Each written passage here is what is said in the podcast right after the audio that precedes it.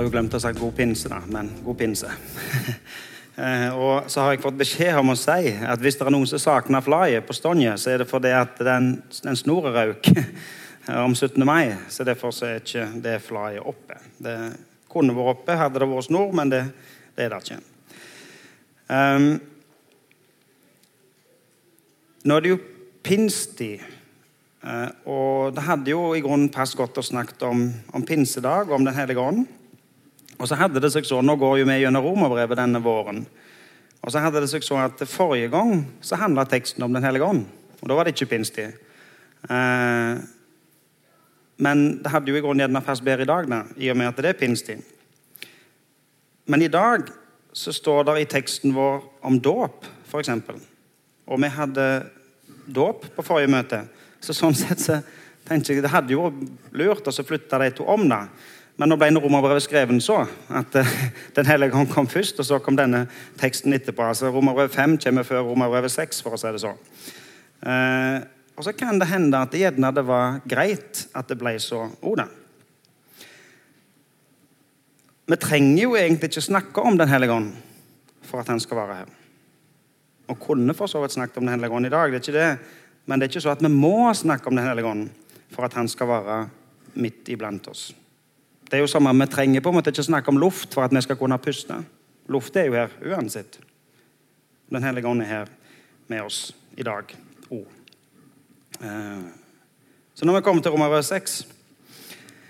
Og Romerbrevet 6 er mm, Jeg vet ikke om jeg kan si det på en måte et, et kapittel som gjerne ikke blir snakket om voldsomt mye.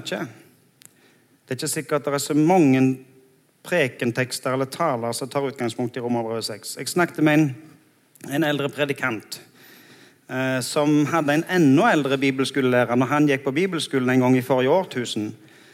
Og Den gamle bibellæreren han, han skulle ha det i romerbrevet, men han ble aldri ferdig med romerbrevet. Han kom aldri lenger enn til romerbrevet 6. Eh, og han sa det, at 'jeg slipper dere ikke før dette har gått opp for dere'. sånn. Og så ble han varende i romerbrevet 6 og, og, og, og kom på en måte ikke videre. For Det er et underlig kapittel. og Den gamle bibellæreren han kalte det for et kapittel som handler om døds- og livssamfunnet med Jesus. Døds- og livssamfunnet med Jesus. Vi skal lese versene 1-14. Eh, det blir nok sånn at jeg, jeg, jeg, blir mest i vers 1-6. Men vi skal innom helt ned til vers 14, og derfor så leser vi helt til vers 14. Jeg skal få de opp på skjermen. Vers 1. Romerbrevet 6 og vers 1. Hva skal vi da si?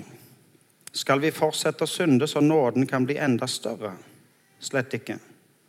Hvordan kan vi, som døde bort fra synden, fremdeles leve i den? Eller vet dere ikke at alle vi som ble døpt til Kristus, ble døpt til hans død? Vi ble begravet med ham da vi ble døpt med denne dåpen til døden. Og som Kristus ble reist opp fra de døde ved sin fars herlighet, skal også vi vandre i et nytt liv. Har vi vokst sammen med Kristus i en død som er lik hans, skal vi være ett med ham i en oppstandelse som er lik hans. Vi vet at vårt gamle menneske ble korsfestet med ham for at den kroppen som er underlagt synden, skulle tilintetgjøres, og vi ikke lenger skulle være slaver under synd. For den som er død, er befridd fra synden.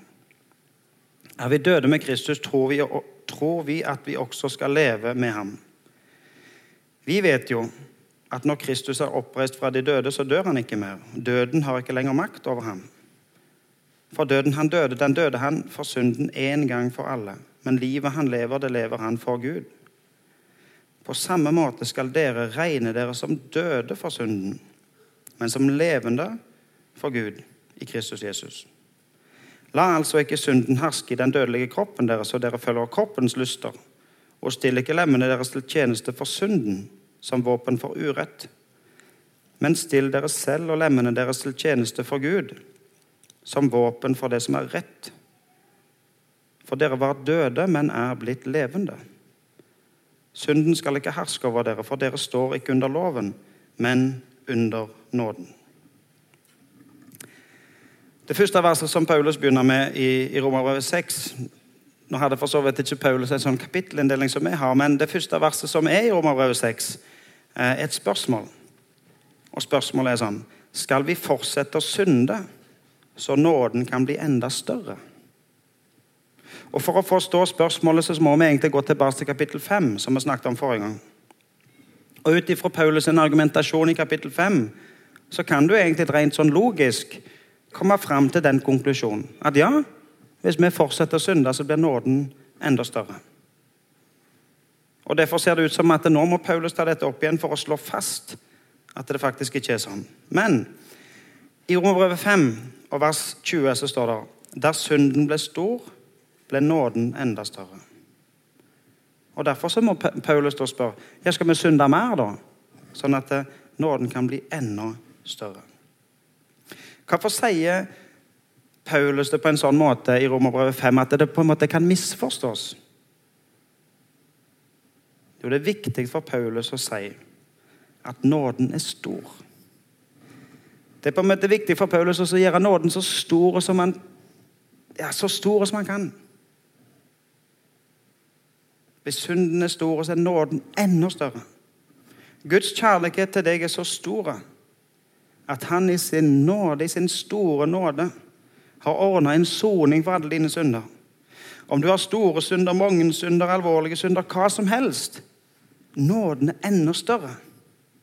Og nåden dekker alt. Nåden er enda større. I Lukas kapittel 7 så møter vi ei dame eh, som kom inn i et selskap der Jesus var til stede.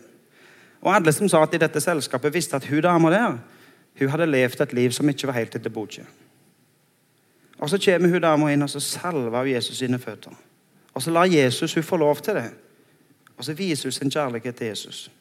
Og Så spør alle andre som er i selskapet hvorfor i all verden tillater du dette. Jesus, Hun må ikke få lov til det. Ikke la hun få lov å komme nærme deg. Hun, hun der må ikke du omgås med. Og Så sier Jesus hun her hun elsker mye, for hun er tilgitt mye. Hun elsker mye, for hun er tilgitt mye. Der hvor synden ble stor, ble nåden enda større. Nåden er alltid større. Guds kjærlighet til deg er alltid større. Alltid større enn dine feil og dine mangler. For Gud elsker deg så høyt at han ga sønnen sin, den eneste sønnen sin, for at du skulle få evig liv. Evig liv. Ikke fordi at du ba han om det, ikke fordi at du tenkte det ut sjøl, men fordi han elsker deg så høyt. Han gav sitt liv for deg før du en gang ba han om det. Og der som synden ble stor, ble nåden enda større. Ja, men Skal vi ikke da bare fortsette å synde, så kan nåden bli enda større? For Hvis det er sånn at nåden blir større til større synder jeg er, så må jeg jo sørge for å bli så stor synder som mulig, sånn at nåden kan bli enda større enn det. Vi har bodd noen år i Tanzania. Og I Tanzania så har de ofte en oppfatning om at eh, kristne skal klare å leve uten, uten å synde. Uten å gjøre synd. Uten å gjøre noen ting gale. Og Så underviser jeg elevene mine på bibelskolen, og så hender det at jeg spør de spørsmål. F.eks. sånn Har du alltid snakket sant du etter du ble en kristen? Har du aldri fortalt en liten løgn? Har du aldri pynta litt på sannheten? Har du aldri lagt til litt for kjentfolk når du forteller en historie? Har du aldri spredt et rykte om folk, du? Har du aldri vært sint på noen? Har du aldri tenkt en urene tanke? Og så, videre? så kan jeg stille sånne spørsmål. Og så, og så sitter elevene i, i klasserommet, og så, og så, går øynene ned i bakken. Altså, Det er ingen øyne som møter mine. De, de, har jo på en måte gått helt inn for dette. De, de har satsa alt på Jesus. Og så er de så glad i Jesus at de, at de kunne gjort hva som helst. For kontrastene for dem er så store. Det er så store kontraster fra det livet som de levde før, og det livet de lever nå. Og den friheten og den gleden de har i Jesus. De skulle gjort hva som helst. Og Derfor blir det så hjerteknusende for de å innse nederlaget. Jeg klarer faktisk ikke dette. Og Så ga øynene ned i bakken, og så våga de ikke å se på meg. Men så hender det når jeg kommer til dette verset som jeg leste her, om, om å fortsette å synde sånn at nåden kan bli enda større, så sier jeg til dem Gjør et litt sånn testeksperiment med dem. Og så sier jeg nå må jo dere sørge for å bli så store syndere som dere kan. Kom dere ut, gå ut. Og lev det livet som dere levde før, så, sånn at nåden kan bli enda større. Kom igjen nå, nå skal vi ta skikkelig tid. Ut og gjøre alt det gale dere kan tenke dere. Kom igjen og så ta godt i og sørg for at det blir mange synder. Og så prøver jeg å presse dem, og så våkner øynene. liksom. Da begynner de å se på meg. Og så roper de mot meg. Nei! Det går ikke. Det kan jeg ikke. Nå er det ingen øyne i gulvet lenger, men nå ser de rett på meg. Og så står de opp og så roper de nei. Ikke for å forsvare seg sjøl, for at de kan leve et syndfritt liv, men for å forsvare Jesus. på en måte. Det går ikke. Jesus vil ikke det. Jeg kan jo ikke gjøre det mot Jesus, han som er så glad i meg. Han som har gjort så mye for meg. Jeg kan ikke gå ut og gjøre det som han ikke vil. Skal vi fortsette å synde, sånn at nåden kan bli enda større? Nei, slett ikke. Det er ikke sånn det virker. Men om du er skal du si, om syndene dine er så store, så blir nåden enda større. Det er poenget. Men poenget for Paulus er ikke å si at nå må du, nå må du gjøre så mye galt du kan. Det er ikke det Paulus mener. Og Så kommer han jo med et merkelig argument. Hvordan kan vi som døde bort fra synden, fremdeles leve i den? I vers 2. Du som er død fra synden. Jo, den som er død, kan jo ikke fremdeles leve. Er du død, så lever du ikke. Er du død fra synden? Eller, hvis jeg stiller på en annen måte Føler du deg død fra synden? Eller har synden noe som helst makt og innflytelse i ditt liv? For det var det elevene mine i Tanzania kjente på. De ønsket å leve et godt og rett liv. Og de la vind på det. Og de brukte mye krefter på det å få til å leve et godt liv. Derfor ble det så vanskelig for de å akseptere at mange ganger så ble de frista. Mange ganger så falt de. Og det var ikke alltid så lett. De hadde et stort ideal, og så klarte de ikke alltid å leve opp til det høye idealet som de hadde. Men hadde jeg nå vært død, så hadde jeg jo ikke kjent på den kampen. Ofte i fortvilelse så kjenner jeg det så altfor godt. Og så spør jeg meg sjøl er jeg død eller er jeg levende. Før vi går videre, så vil jeg understreke én ting. Bibelen sier ikke her at du som er kristen, blir syndfri eller kan leve et liv uten å gjøre noen som helst ting galt. Jo, nå må du ikke misforstå. For det at eh, i Jesus så blir du syndfri. altså Du får hans rettferdighet. I kapittel 4 så står det at vi blir regna rettferdige pga. det Jesus gjorde for oss. Vi får hans rettferdighet.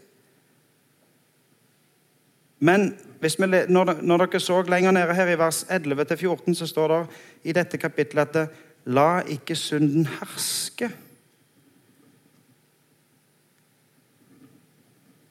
La ikke synden herske.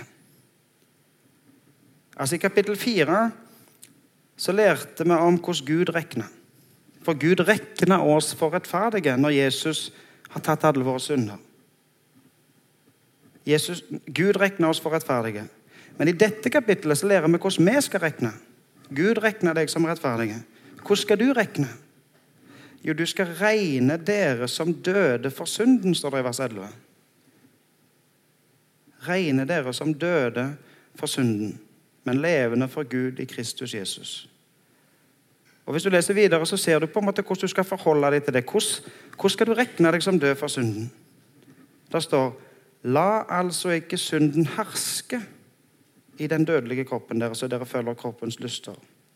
Og still ikke lemmene deres til tjeneste for synden som våpen for urett, men still dere selv og lemmene deres til tjeneste for Gud som våpen for det som er rett. For dere var døde, men er blitt levende. Synden skal ikke herske over dere, for dere står ikke under loven, men under nåden. La ikke synden herske. Det betyr jo ikke det at du, at du ikke kjenner på synd, at du, at du er ferdig med synd. For synden vil faktisk inn og herske. Men ikke gi synden lov til det.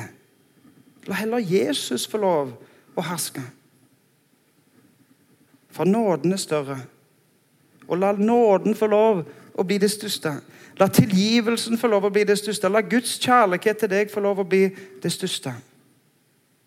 At Jesus får mer plass. At Den hellige ånd som er utøst i våre hjerter, får lov, får mer og mer plass i vårt liv. La ikke synden herske. Synden skal ikke herske.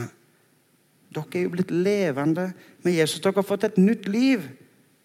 Og Fokuser på det nye livet som du har i Jesus. Og la ikke synden herske. Og Så kommer vi til de versene om dåp.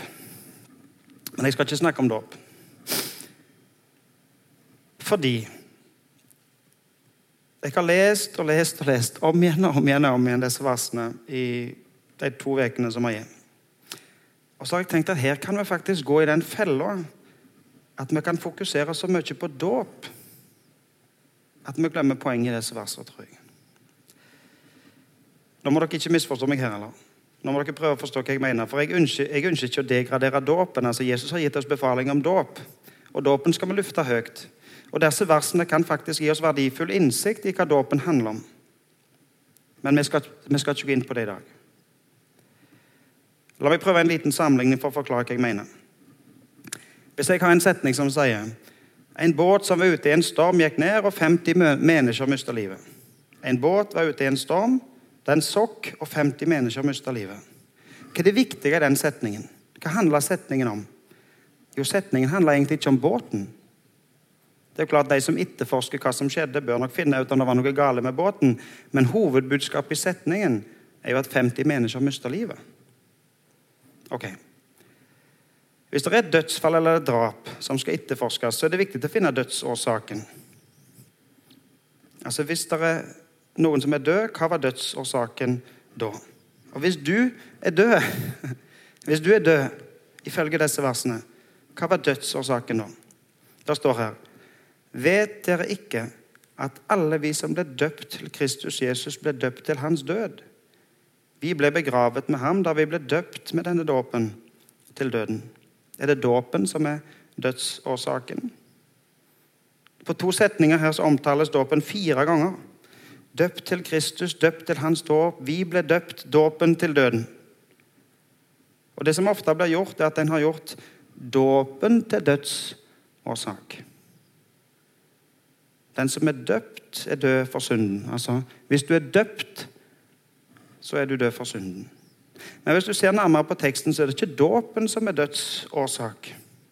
Dødsårsaken er ikke dåpen, men dødsårsaken er at du er ett med Jesus Kristus. Og den dagen han døde på korset for deg, så tok han deg med.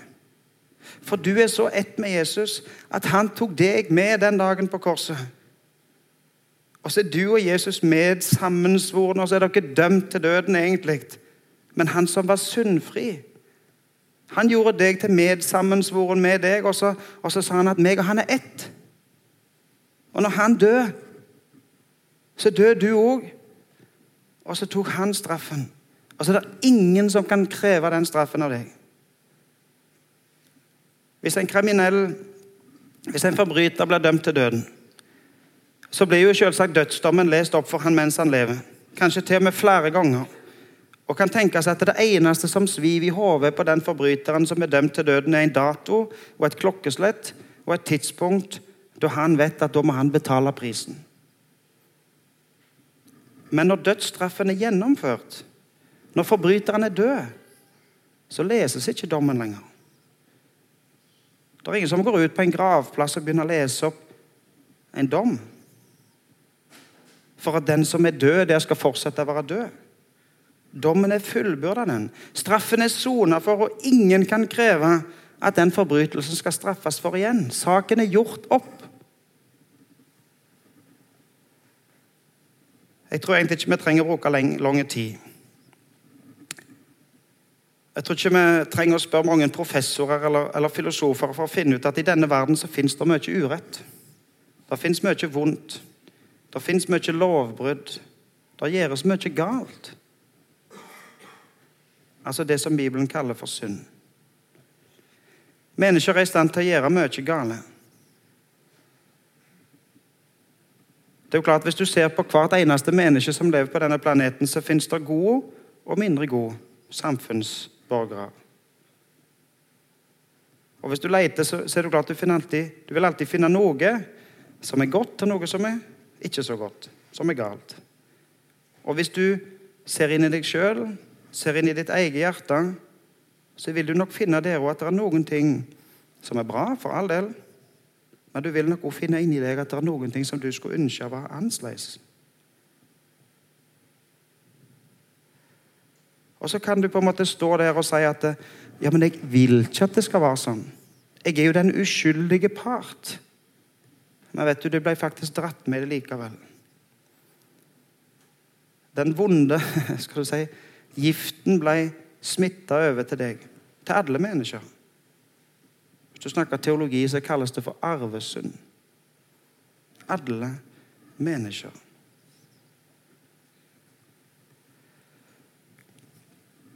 Jesus han ble døpt en gang. Jesus ble døpt av Johannes døperen. Johannes døperen han sto i øyemerket og så ropte han til alle folk at de måtte omvende seg. Og Så skulle de bekjenne sine synder og la seg døype av Johannes. Og Dåpen var egentlig et vanlig renselsesritual for jødene. Eh, så jødene forsto egentlig hva dette var snakk om. Kom til Johannes, bekjenn syndene dine, bli døpt eh, og bli, bli vaska rein. på en måte. La vannet få lov å vaske deg rein og rense. Og Så kom Jesus, og så sier han at han òg vil bli døpt av Johannes. Johannes sier nei. Her kommer jo Jesus, her kommer mennesker for å bekjenne sine synder. De menneskene som kommer her, de, de ønsker å få tilgivelse for det galne de har gjort. Og så, og så vasker dette vannet de, altså, I dette vannet er det mange synder. Jesus, dette vannet er så skjete at her skal ikke du gå uti. Du kan ikke gå uti der, Jesus, du som er syndfri. Hva skal du bekjenne, Jesus? Jesus visste at det vannet der det kunne ikke sone for syndene. Det var kun hans død som kunne sone for syndene. Og så gikk Jesus ned i vannet. Ikke for å bekjenne sine egne synder, men for å ta på seg alle de syndene som lå i det vannet, hvis du skjønner bildet. De som hadde bekjent der i det vannet. Så tok Jesus alle de syndene på seg. Og så bar han dem med seg opp på korset for å sone for dem, for å utføre det som egentlig kreves. For å ta den straffen som måtte tas. For å gi tilgivelse for syndene. Og Derfor så kan Johannes peke på Jesus og si Se der er Guds lam som bærer bort verdens synd. Han bærer. Han har tatt på seg alt. Frivillig gikk han inn, inn til oss og ble ett med oss og tok på seg våre synder.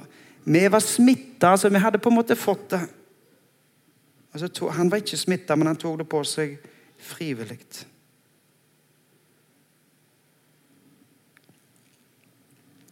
Du og Jesus er ett. Du og Jesus er ett. Paulus han bruker egentlig aldri uttrykket 'kristen'. Vi kaller det kristne. Det, altså Uttrykket brukes i Det nye testamentet, men ikke Paulus. Paulus omtaler aldri seg selv som kristen, men han bruker et annet uttrykk. Han, sier, han snakker om seg, sjøl som et menneske som er i Kristus. Et menneske i Kristus. For de som var på ungdomsmøtet i Storhall i går, så hørte de hvor, hvor viktig det var med en rett preposisjon. Og Han på ungdomsmøtet han snakket om tysklæreren sin som hadde lært han om Durchfürgegen og om alt det der, at preposisjonen må være rett. Og Når Paulus snakker om seg sjøl, så bruker han preposisjonen 'i Kristus'.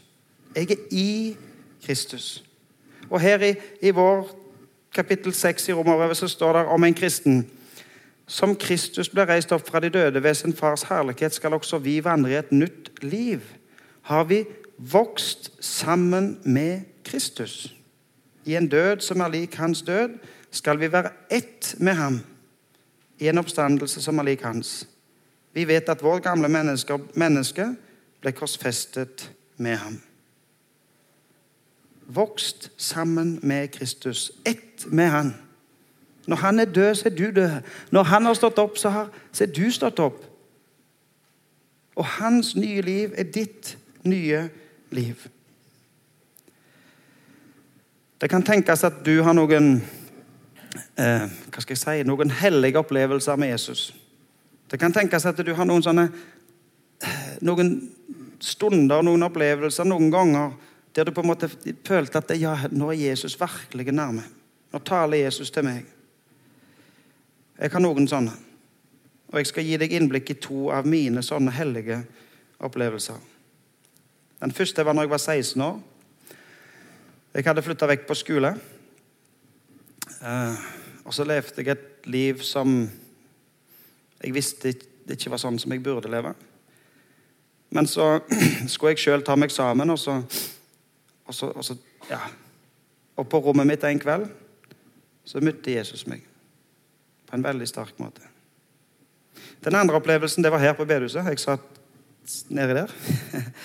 uh, og Det var ei møteveke med, med, med en, taler fra Sørlandet. Jeg husker hvor jeg satt, og jeg husker hvem som talte. Jeg skal ikke si det, for da begynner dere liksom ja, han, Men, men uh, jeg kan til og med ta igjen stemmen til predikanten og hvordan han sa det. Ok, Den første Den første opplevelsen var jeg lå og leste i min bibel. Jeg hadde bestemt meg for det, for jeg skulle jo virkelig ta meg sammen. Og Så begynte jeg i Matteus i Nytestamentet. Og Så leste jeg videre fra Matteus og Markus og Lukas og Johannes og utover i Nytestamentet. Og Så kommer jeg til 2. Korinterbrev 5,17. Noen av dere har hørt meg fortelle dette før. Og Jeg hadde nok lest det verset før, og jeg hadde nok hørt det før. Men den gangen så slo det ned i meg som et lyn. Så gikk det opp et lys for meg, og så var det, det var på en måte som noen slo på en bryter. og så ja, så er det. Og hva står det i 2. Korinterbrev 5,17? Der står om noen er i Kristus, da er han en ny skapning. Det gamle forbi seg, alt er blitt nytt. Om noen er i Kristus. Det var det som gikk opp for meg. Lars, hvis du er i Kristus, så er det det som betyr noe. Da er du en ny skapning. Da har du et nytt liv. Om noen er i Kristus.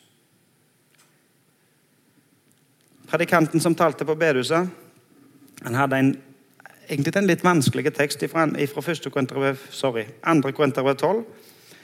Og det andre 2. Korinterbrev står, at 'min nåde er nok for deg'. og Det er denne sammenhengen denne teksten står i.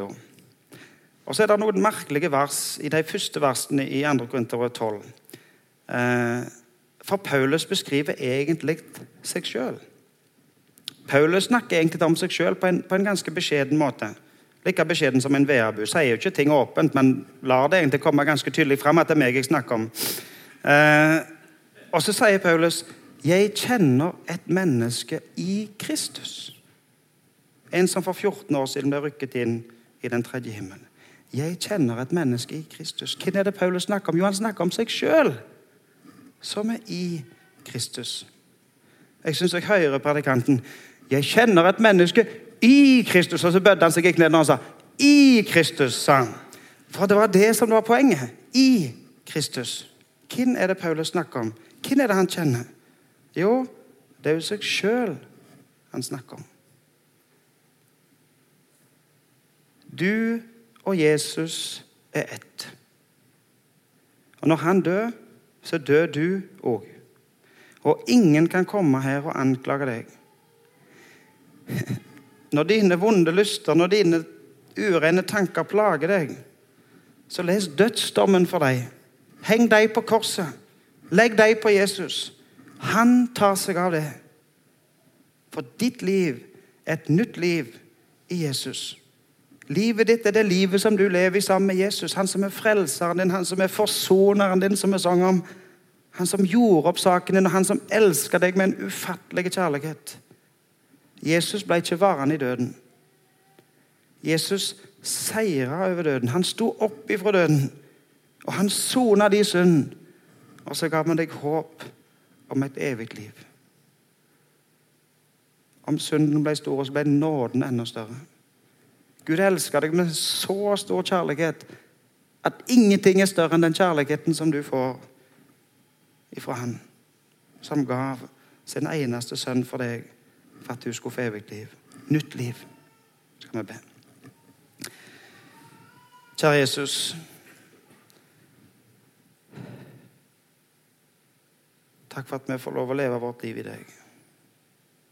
Takk for at vi er ett med deg. Takk for at du har tatt alt vårt.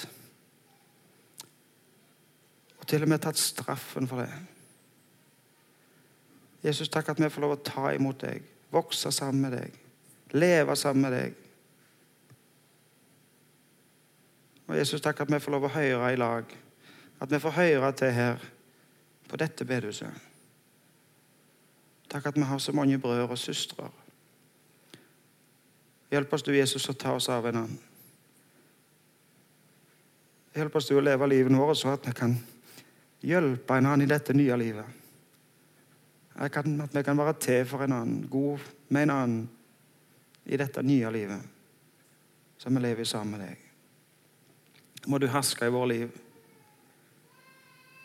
Du som seirer ved synden, du kan seire ved synden i vårt liv òg. Må du få makt. Må ditt rike få lov å komme. Din vilje skje. Takk for pinseunderet. Takk at du sendte din Hellige Ånd. At du bor ved troen i våre hjerter. Må du velsigne denne pinsehelgen for oss. Må det være med ungdommene som skal samles i kveld i Storhall.